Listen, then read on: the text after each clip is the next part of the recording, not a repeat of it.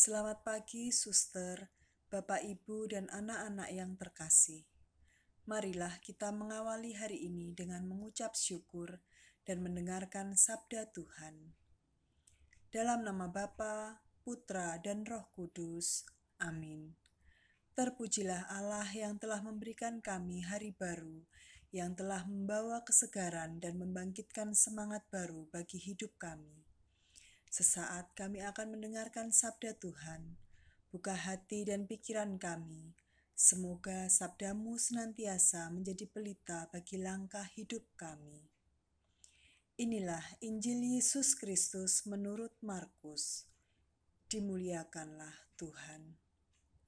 Pada suatu kali, ketika murid-murid Yohanes dan orang-orang Farisi sedang berpuasa, datanglah orang-orang dan mengatakan kepada Yesus, Mengapa murid-murid Yohanes dan murid-murid orang Farisi berpuasa, tetapi murid-muridmu tidak? Jawab Yesus kepada mereka, Dapatkah sahabat-sahabat mempelai laki-laki berpuasa, sedang mempelai itu bersama dengan mereka? Selama mempelai itu bersama mereka, mereka tidak dapat berpuasa. Tetapi waktunya akan datang, mempelai itu diambil dari mereka, dan pada waktu itulah mereka akan berpuasa. Tidak seorang pun menambalkan secari kain yang belum susut pada baju yang tua, karena jika demikian, kain penambal itu akan mencapiknya. Yang baru mencapik yang tua, lalu makin besarlah koyaknya. Demikian juga, tidak seorang pun mengisikan anggur yang baru ke dalam kantong kulit yang tua, karena jika demikian anggur itu akan mengoyakkan kantong itu, sehingga anggur itu dan kantongnya dua-duanya terbuang. Tetapi anggur yang baru hendaknya disimpan dalam kantong yang baru pula. Demikianlah Injil Tuhan, terpujilah Kristus.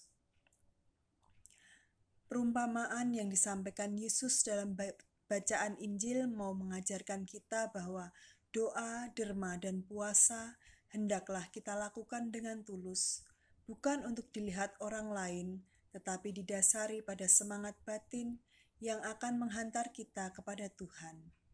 Tuhan Yesus ingin menunjukkan relasi baru dengan Allah. Allah tidak hanya melihat yang kelihatan, tetapi melihat yang tersembunyi, karena Allah tahu apa yang kita perbuat.